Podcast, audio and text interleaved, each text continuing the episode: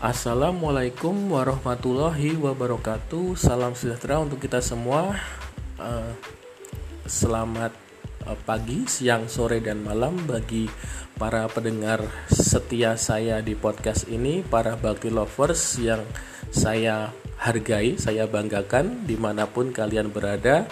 Uh, berjumpa lagi dengan saya di acara kita seperti biasanya unek-unek berkualitas bersama Bakti.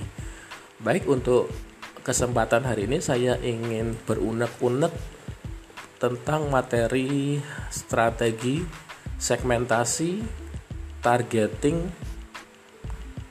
positioning, dan diferensiasi. Jadi stay tune eh, dan selamat bergabung kembali.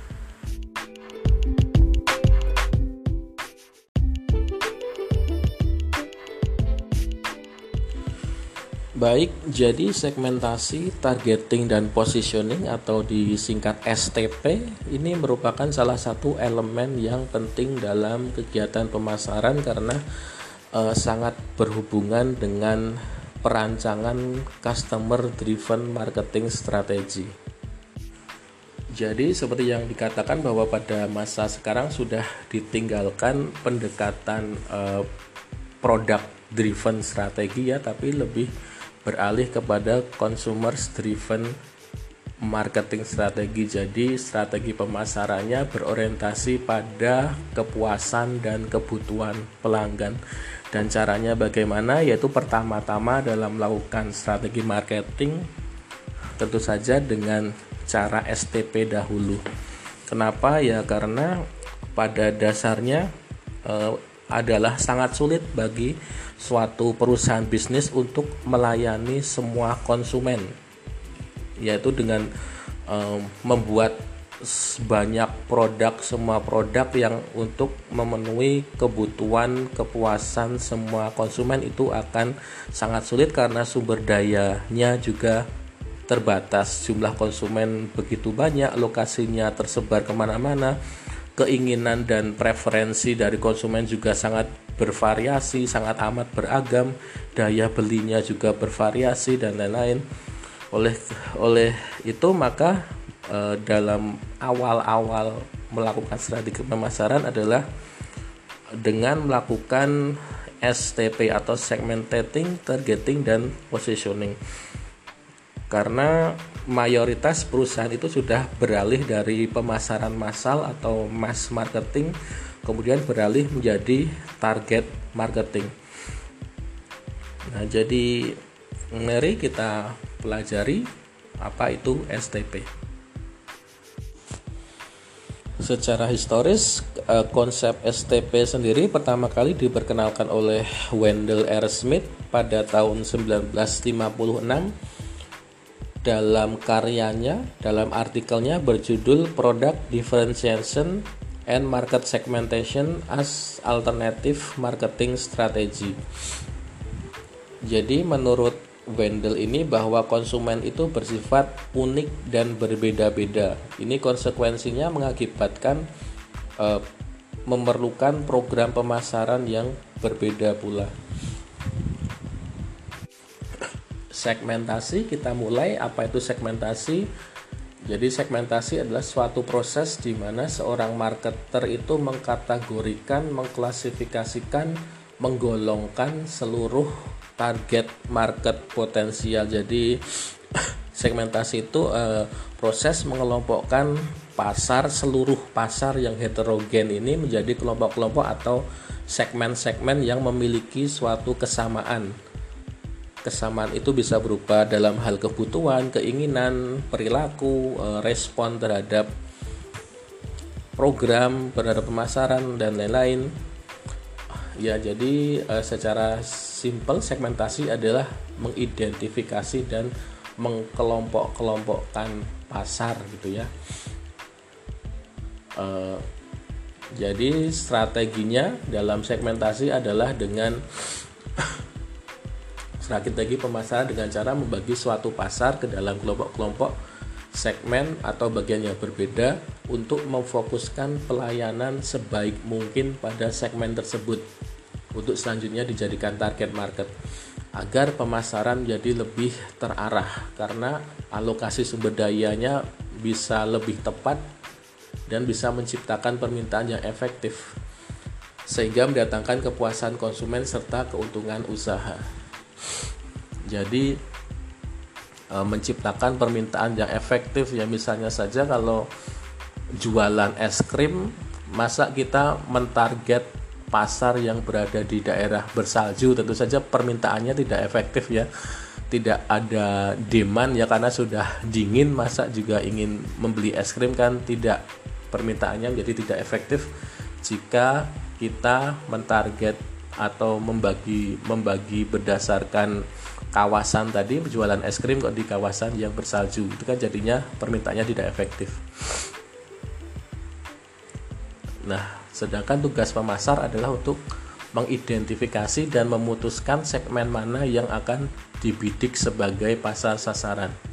Pada strategi segmentasi ini, pasar dikelompokkan atas kesamaan karakteristik tertentu, seperti kesamaan motif, kesamaan kebutuhan, perilaku, kebiasaan pembelian, tujuan pembelian, dan tujuan penggunaan produk. Agar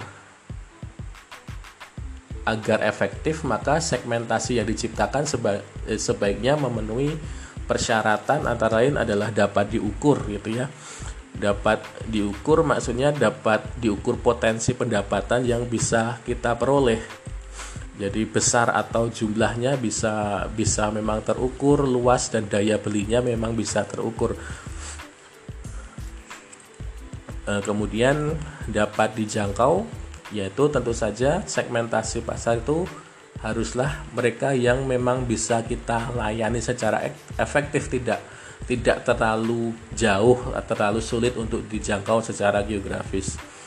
Kemudian cukup luas, jadi memang memberikan keuntungan bagi kita sehingga menguntungkan seandainya dipilih untuk dilayani pasar tersebut. Kemudian dapat dilaksanakan, maksudnya adalah kegiatan untuk memasarkan atau melayani segmen tersebut mudah dilakukan secara tepat dan efektif. Eh, menurut Kotler dan Armstrong, ini setidaknya terdapat empat macam segmentasi pasar, yaitu yang pertama adalah geografik segmentasi atau segmentasi berdasarkan geografis itu dibagi jadi pasar-pasar itu dibagi-bagi berdasarkan wilayahnya, berdasarkan iklimnya tadi misalnya iklim salju atau iklim tropis dan juga pembagian pepasar berdasarkan kota atau desa gitu ya. Kalau kota eh, biasanya akan lebih luas, akan banyak pasarnya gitu meskipun banyak pesaing. Dan juga dekat dengan sumber daya sumber daya untuk memproduksi produk juga kemungkinan. Sedangkan kalau desa kemungkinan akan lebih sedikit pasarnya namun pesaingnya juga tidak begitu banyak Kemudian yang kedua adalah segmentasi berdasarkan demografis atau kondisi sosial dan ekonomi pasar. Ini bisa dibagi menjadi umur, jumlah anggota keluarga, kelas atau status sosial, jenis kelamin, agama, keturunan, pekerjaan, pendapatan, pendidikan. Jadi uh, suatu pasar itu suatu pasar potensial disegmentasikan, dikelompok-kelompokkan berdasarkan umur atau berdasarkan sosial dan ekonomi, berdasarkan agama juga termasuk. Di sini misalnya ya ini nanti akan berhubungan dengan targeting juga misalnya ada di India McDonald di India itu mengeluarkan produk Maharaja Mac Burger ya di mana burgernya di situ tanpa beef dan tanpa pork ya tanpa tanpa daging sapi dan tanpa daging babi ya karena di India kan populasi agamanya Muslim dan juga Hindu sebagian besar sehingga diperkenalkan produk varian baru yaitu McDonald Maharaja McBurger gitu. Jadi nanti implikasinya ke targeting juga. Kemudian yang ketiga adalah segmentasi berdasarkan perilaku atau behavioral segmentation yaitu apakah leader, apakah follower, apakah senang untuk menawar, apakah pasar tadi senang untuk menawar, apakah bebas semaunya, apakah pasar tadi terpengaruh oleh orang lain, apakah apakah berharap yang biasa atau yang sangat baik. Kemudian yang keempat segmentasi berdasarkan psikografis atau gaya hidup serta kepribadian ini dibagi menjadi produktif dan mewah, konsumtif dan mewah, produktif dan hemat, dan mementingkan yang kualitas namun harganya murah.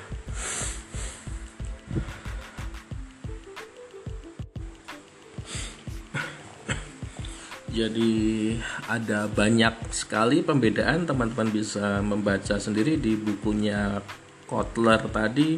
Misalnya kom kepribadian juga dibagi menjadi apakah agresif atau apa intuitif ataukah thinking, feeling, compliant. Jadi ada banyak pembagian bahkan berdasarkan kepribadian kemudian dari sensitivitas harga, sensitivitas harga juga apakah sangat sensitif dengan harga ataukah value conscious atau status conscious. Jadi apakah harga akan sangat mempengaruhi atau harga tidak mempengaruhi.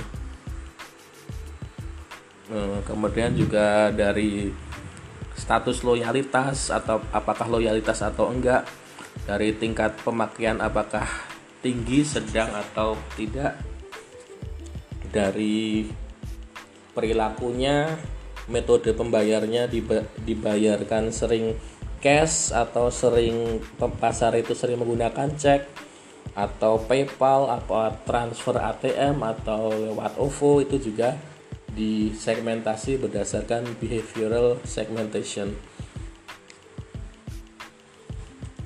Uh, mungkin kita lanjutkan saja.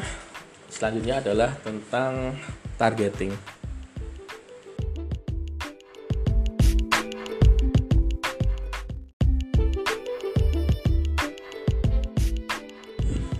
Jadi setelah melakukan segmentating, langkah berikutnya adalah melakukan targeting yaitu uh, strategi bersaing yang dilakukan perusahaan yaitu dengan mengevaluasi perbedaan segmen dan menetapkan jumlah serta tipe segmen pasar yang mana yang akan dilayani atau yang dijadikan pasar sasaran dengan mempertimbangkan keuntungan yang paling besar untuk didapatkan. Jadi seperti disampaikan tadi bahwa keragaman dari pasar itu terlalu besar sehingga kita perlu untuk fokus melayani satu atau beberapa segmen pelanggan saja agar kita bisa lebih lebih fokus dalam menggunakan sumber daya kita untuk mencapai kepuasan pelanggan. Jadi lebih spesifik gitu. Kalau berdasarkan jumlah segmen yang dilayani sendiri, targeting dibagi menjadi uh, tiga ya, tiga jenis, yaitu yang pertama single segment concentration, selective specialization, dan juga product specialization. Uh, single segmentation concentration adalah bahwa perusahaan hanya memilih satu segmen saja untuk dilayani jadi perusahaan lebih bisa mencapai posisi yang kuat di satu segmen ini karena semuanya fokus untuk melayani satu segmen pasar ini saja sumber dayanya difokuskan pada satu segmen ini saja. Namun konsentrasi di satu segmen ini mempunyai potensi resiko yang cukup besar uh, sehingga jika perusahaan sudah kuat dalam segmen tersebut maka para kompetitor tidak mudah untuk mengambil customernya jadi jika gagal dalam satu segmen tersebut akan sulit untuk beralih ke segmen yang lain gitu jadi karena ada resiko yang besar ini menjadi alasan bagi perusahaan untuk biasanya tidak hanya memilih untuk melayani satu segmen saja tapi lebih dari satu segmen. Kemudian yang kedua adalah selective specialization yaitu perusahaan mengkaji beberapa segmen yang berprospek untuk dilayani.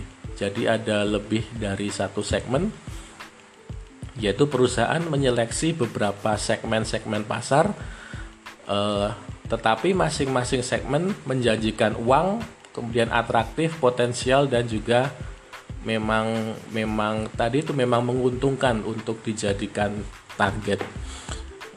Uh, strategi selective specialization ini biasanya lebih umum dipilih oleh perusahaan untuk menghindari kerugian.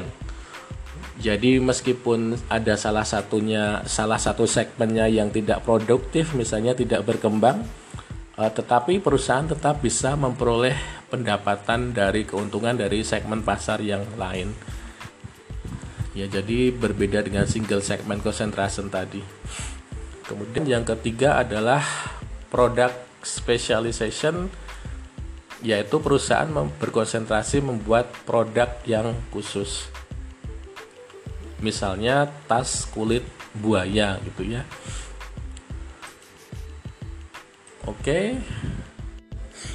Sedangkan dalam memilih kriteria atau memilih targeting dari segmen itu juga harus didasari oleh kriteria-kriteria pertimbangan.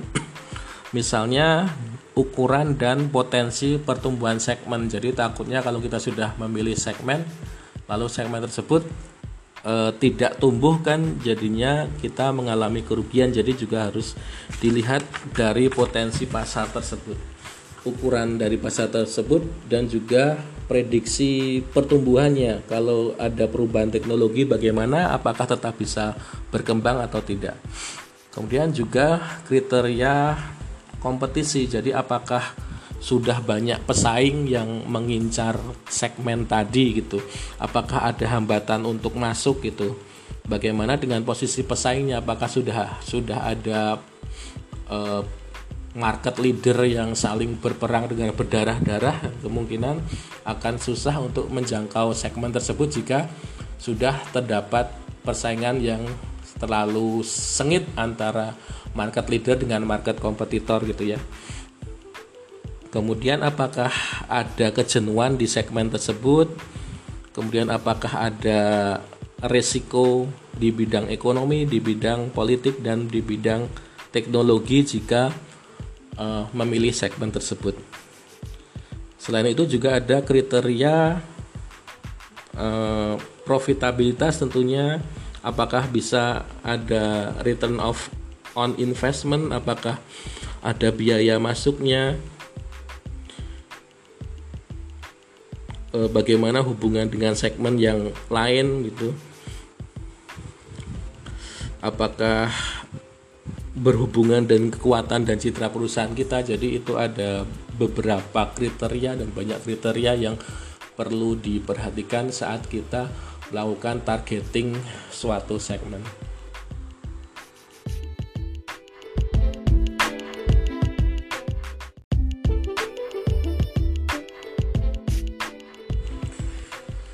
Baiklah para bakti lovers di mana pun Anda berada kita lanjutkan bahasan kita jadi setelah mengidentifikasi segmen pasar yang potensial dan melakukan pemilihan targeting eh, satu atau beberapa segmentasi-segmentasi tadi untuk dijadikan pasar pasar sasaran, maka kegiatan berikutnya adalah pemasar harus menentukan posisi yang ingin diwujudkan atau positioning.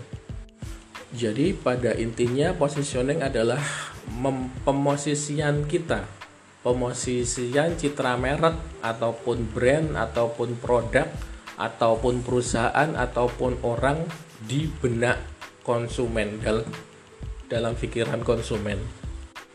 Kita patut menyadari bahwa konsumen setiap saat dihadapkan pada banyak informasi, banyak informasi yang masuk di kepala konsumen tentang pilihan merek, tentang banyak produk, perusahaan ataupun layanan dari banyak pesaing-pesaing kita yang masuk ke dalam pikiran dari konsumen atau pasar. Padahal tidak semua konsumen berkesempatan untuk mengevaluasi ulang produk setiap akan memutuskan pembeli. Jadi tidak tidak semua konsumen mempunyai kesempatan untuk mengevaluasi produk saat akan membeli barang. Oleh karena itu, maka di dalam benak konsumen untuk setiap produk atau merek akan dikelompokkan dalam sejumlah kategori agar konsumen dapat lebih mudah dalam mengambil keputusan saat akan melakukan pembelian. Nah, eh, posisi positioning ini merupakan strategi untuk merebut posisi yang tepat di benak konsumen.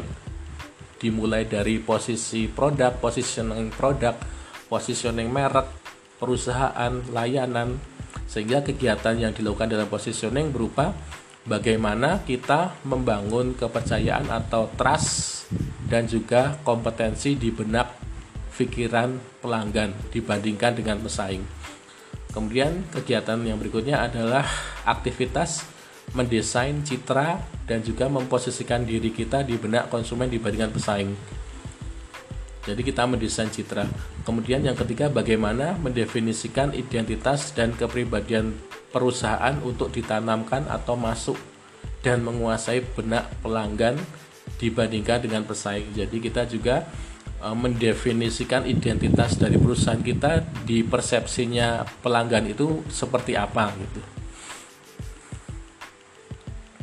Kemudian yang keempat adalah Eh, kegiatan mempengaruhi pikiran calon pelanggan dari berbagai atribut agar calon pelanggan itu terkesan baik dari sisi merek, produk, perusahaan orang dibandingkan pesaing. Jadi citra kita lebih bagus dibandingkan pesaing agar mereka terkesan, agar mereka berpersepsi, berperasaan dan berpikiran yang baik terhadap merek kita, terhadap produk kita, terhadap perusahaan kita. Yang kelima adalah tindakan yang dilakukan perusahaan berupa merancang produk agar tercipta suatu kesan, persepsi, pikiran yang baik di benak konsumen. ya, jadi itulah antara lain positioning.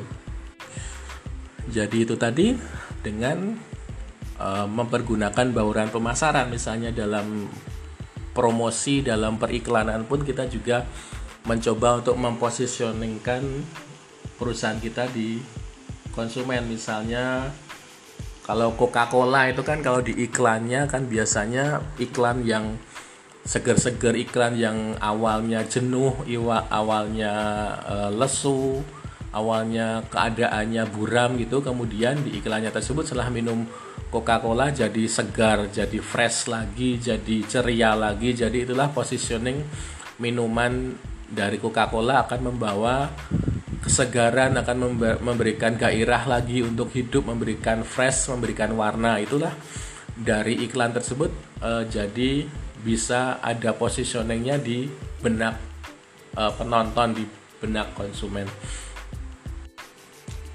Mungkin contoh yang lain lagi untuk produk uh, susu dan kau itu ya kan ada slogannya. Slogannya juga aku dan kau suka dan kau itu kan. Berarti dia menanam menanamkan di benak konsumen bahwa susu dan kau itu adalah sahabat setia bagi keluarga-keluarga Indonesia dengan harga yang merakyat itu misalnya. Kemudian e, contoh yang lain lagi e, dulu ada makanan ringan Leo gitu ya dengan slogannya lebih banyak lebih puas. Ini kan berarti dia memposisikan dirinya sebagai makanan ringan yang murah tapi isinya lebih banyak gitu di iklannya baik jadi itulah teman-teman bagi lovers jadi misalnya kalau kita resume antara segmentating targeting dan positioning contohnya tadi itu di positioning Denko ya uh, Kemudian untuk segmentasi Denko kan hampir merata di seluruh wilayah Indonesia kalau dari segi geografis. Sedangkan kalau segmentasi berdasarkan usia, Denko lebih fokus untuk susu anak-anak dalam usia pertumbuhan ya. Jadi berdasarkan segmentasi berdasarkan usia. Sedangkan secara targeting yaitu mentarget anak-anak usia 1 sampai 3 tahun, kemudian 3 sampai 6 tahun dan susu 6 tahun ke atas. Ini jadi dia lebih lebih fokus formulanya formula di susu itu tentang protein dan lain-lain itu untuk fokus untuk anak-anak. Jadi untuk produk anak-anak. Contoh lain misalnya produk Pizza Hut e, secara segmentating Pizza Hut mempunyai banyak outlet yang tersebar di banyak provinsi di Indonesia secara demografis lebih dari 22 provinsi di Indonesia Sedangkan berdasarkan usia, segmentasi Pizza Hut adalah pada golongan usia remaja hingga usia lanjut. E, kemudian secara targeting juga e, Pizza Hut adalah untuk orang-orang yang berpendapatan menengah ke atas yaitu kalangan berekonomi menengah dan ke atas e, dan secara positioning sudah dijelaskan tadi Pizza Hut adalah pizza yang yang tempat berkumpul dan bersantai bersama keluarga, sahabat dan kerja. Jadi Pizza Hut di benak di benak para pasarnya, para konsumennya adalah tempat untuk berkumpul yang hangat bersama keluarga bisa, bersama rekan kerjanya pun juga bisa. Uh, jadi mungkin ada banyak sekali kalau teman-teman bagi lovers ingin uh, mencoba menemukan uh, targeting, segmenting, targeting dan positioning dari banyak produk-produk terkenal. Baik, mungkin teman-teman itu dulu dari positioning kita lanjutkan lagi mengenai macam-macam positioning di perusahaan pasar. Jadi positioning bisa berarti di benak pelanggan tapi juga bisa berarti macam-macam positioning di pasar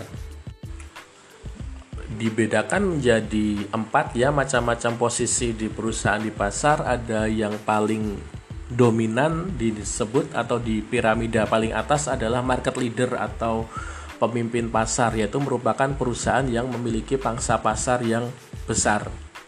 Jadi ada lebih dari 40% pasar itu dikuasai oleh produk dari market leader ini.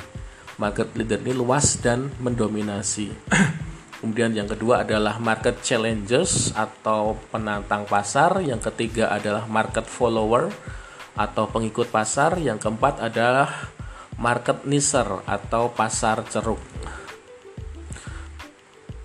E, jadi market leader ini adalah pemimpin incumbent gitu ya, pemimpin yang sedang berkuasa saat ini. Dia mempunyai resource yang banyak dan juga mempunyai modal yang kuat juga. Keuntungannya untuk menjadi market leader ini adalah bahwa market leader akan mempunyai saluran distribusi yang baik. Karena kadang ada distributor yang hanya hanya mau mendistribusikan produk dari market leader. Kenapa? Karena produk dari market leader adalah produk yang laku di pasaran sedangkan produk dari perusahaan-perusahaan lain yang bukan market leader kadang tidak laku gitu. Jadi distributor kadang hanya mau untuk menjualkan produk-produk dari market leader. Ya, jadi karena ada kemudian yang kedua eh, pemasok juga kadang ada pemasok yang hanya bermitra yang hanya mau bermitra dengan market leader saja. Karena market leader biasanya membeli dalam volume yang tinggi. Market leader biasanya membeli dalam volume yang tinggi atau jumlah yang banyak sehingga pemasok akan uh, ya dapat untung yang lebih banyak jika bermitra dengan market leader dibandingkan bermitra dengan perusahaan yang lain, perusahaan yang baru masuk yang lain. Kemudian kalau bagi market leader sendiri pemasok juga akan menawarkan diskon biasanya agar bisa dapat bertahan kerjasamanya dengan market leader biasanya juga memberi diskon kepada market leader karena telah membeli dalam jumlah yang banyak. Jadi ini kan sama-sama menguntungkan bagi market leader juga bagi pemasok. Bagi market leader karena bisa mengurangi biaya produksi dia dari membeli bahan baku dari mitra. Kemudian keuntungan menjadi market leader yang lain adalah dapat dijadikan materi dalam promosi juga karena dalam iklannya market leader bisa mengklaim bahwa uh, klaim membuat konsumen menjadi lebih yakin dengan kualitas produk karena mengklaim bahwa merupakan produk terbaik. Ini merupakan produk susu terbaik. Ini kan jadi jadi para pembeli itu yakin dengan kualitas produk dari market leader tersebut dibandingkan produk-produk yang lain. Jadi kalau bisa contohkan mungkin uh, kalau produk ya aqua gitu ya untuk mi, uh, minuman mineral ya market leadernya kan masih Aqua kalau penantangnya kan ada banyak ada ada fish ada apa ada bolesa. Bolesa kan baru ke daerah saja.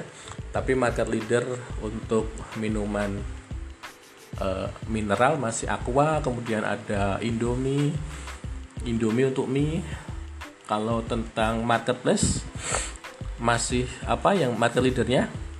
Shopee ya teman-teman ya itu yang masih terkenal kan Shopee yang menjadi market leader. Kalau yang lain masih ada Bukalapak ada Tokopedia itu masih jadi market challengers.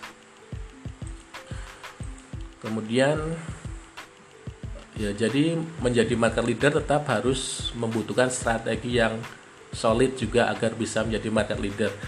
Antara lain adalah dengan menciptakan produk yang inovatif yaitu produk yang menawarkan inovasi baru kepada konsumennya baik dari segi jenisnya, proses produksinya maupun inovasi strategi pemasarannya. Jadi meskipun sudah menjadi market leader bukan berarti akan selalu di atas terus, tapi tetap harus menjaga inovasi baru agar tetap terjaga menjadi market leader.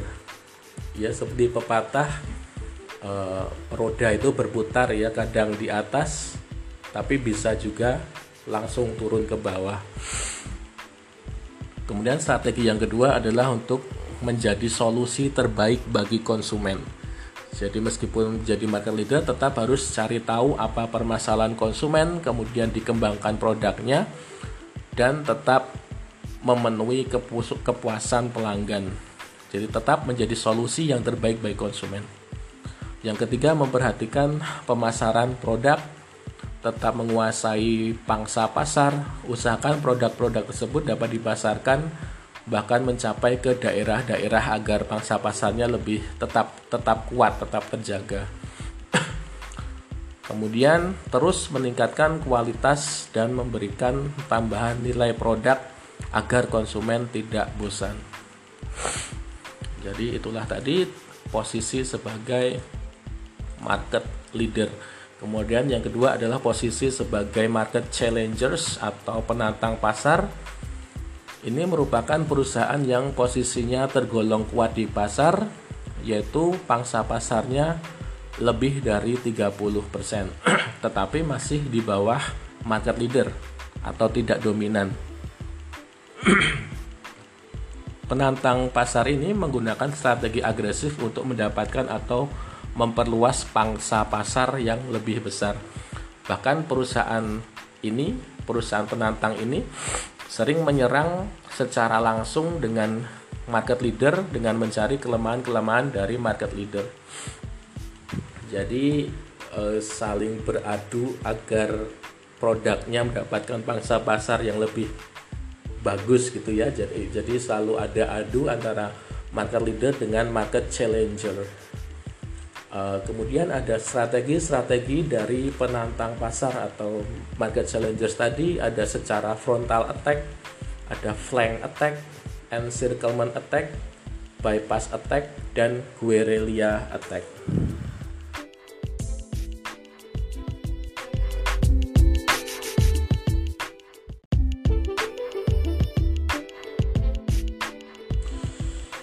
Oke, Bakti Lovers di mana pun Anda berada di rekaman sebelumnya kita telah bahas tentang segmentating, targeting, dan positioning dan juga positioning kita di pasar.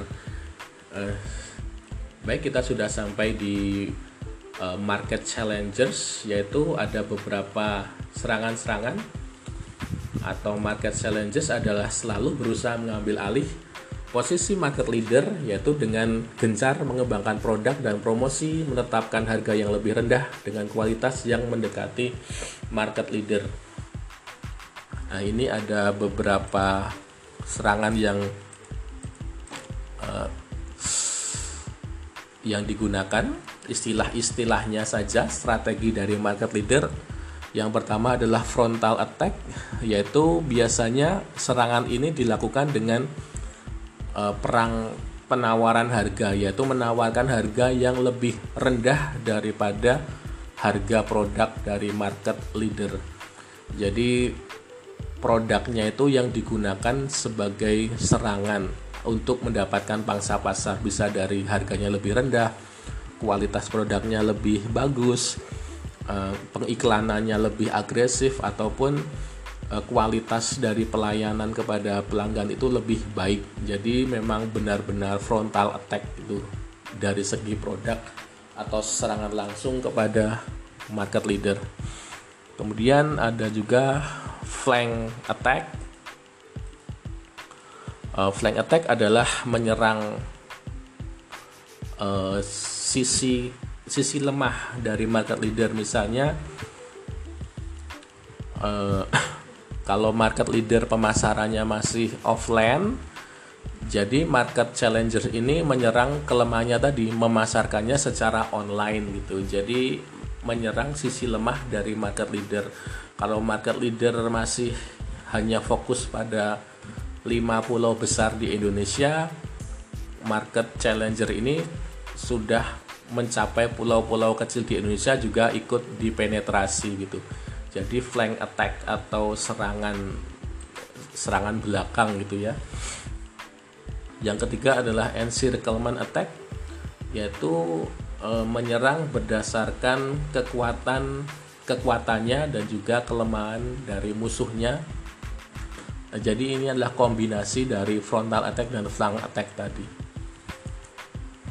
Bypass attack yang keempat adalah serangan tidak langsung di mana market challenger uh, melebihi market leader uh, di bidang resource-nya.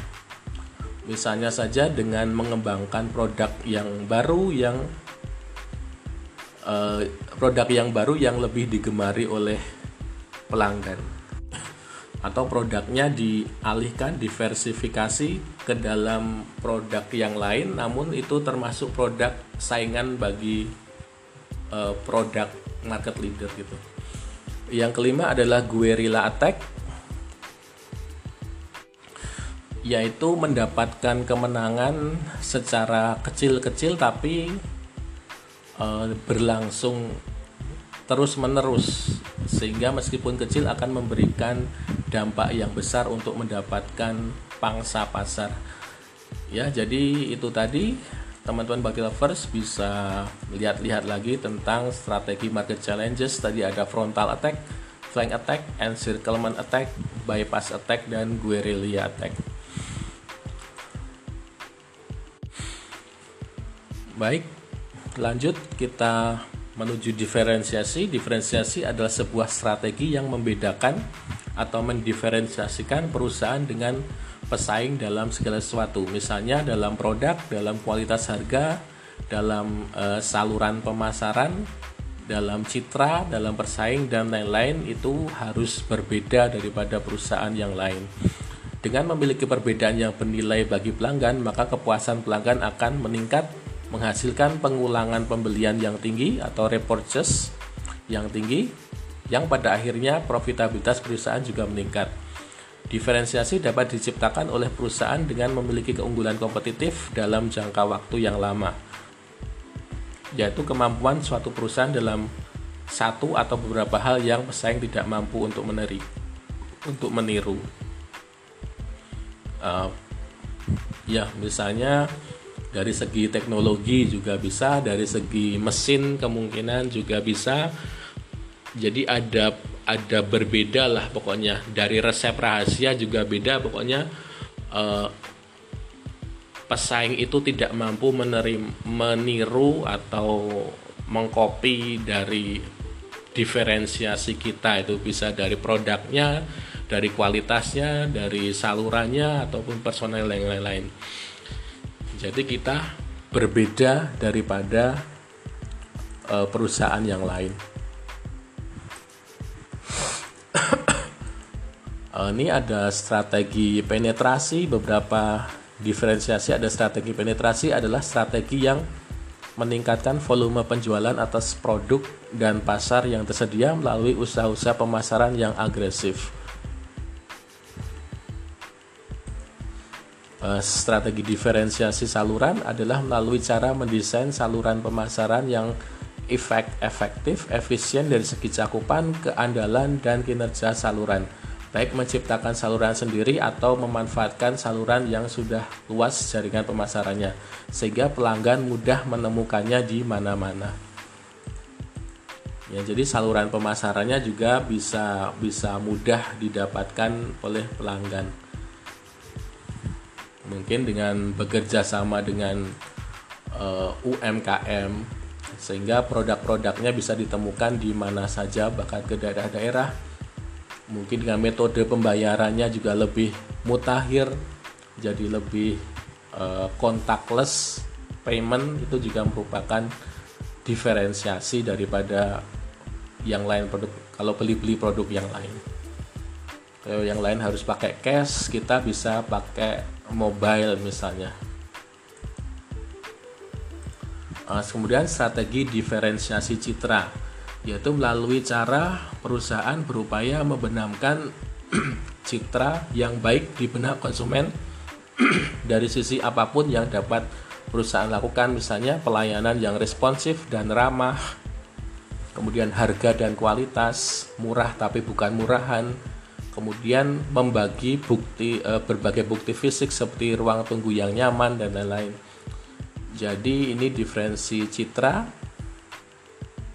e, untuk membenamkan citra baik di konsumen. Jadi mirip dengan positioning tadi ya, kita membenamkan citra yang baik di benak konsumen dibandingkan dengan perusahaan yang lain. Jadi kalau kita misalnya tempat parkirnya luas, lebih teduh, lebih nyaman, pelayanannya ramah selalu dan 24 jam kan ada K apotek K24 itu kan berarti apotek yang buka selama 24 jam ya. Berbeda dengan apotek-apotek yang lain mungkin jam 9 malam sudah tutup. Kalau di K24 kan berbeda mau mau datang jam satu malam pun masih buka. Itulah salah satu strategi diferensiasi. Kemudian yang kelima strategi diferensiasi personil di mana perusahaan memilih melatih menggerakkan dengan memotivasi SDM di perusahaan untuk selalu melakukan dan menampilkan yang terbaik bagi pelanggannya sehingga setiap konsumen yang datang akan terkesan dengan kebaikan layanan dari setiap SDM yang ada di perusahaan. Jadi personilnya pun juga berbeda gitu ya. Kalau teman-teman lihat di perusahaan Google misalnya, itu kan tidak tidak sama dengan perusahaan-perusahaan umumnya di dunia ya karena di Google itu karyawan-karyawan dan personil personilnya benar-benar dimanjakan benar-benar uh, ya bekerja tapi tidak seperti di ruang kerja. Jadi mas seperti di ruangan tempat-tempat berkumpul saja. Jadi kerjanya bisa santai bisa tetap produktif tidak kaku tidak tegang gitu personil-personilnya di lingkungan yang asri. Jadi itulah diferensiasi personil. Ya baik itulah tadi teman-teman tentang sedikit diferensiasi dan sedikit positioning. Uh, saya ucapkan terima kasih banyak untuk perhatiannya teman-teman. Untuk versi 1 mungkin saya cukupkan di sini saja. Jika ada kritik dan saran untuk tambahan bisa disampaikan ke saya.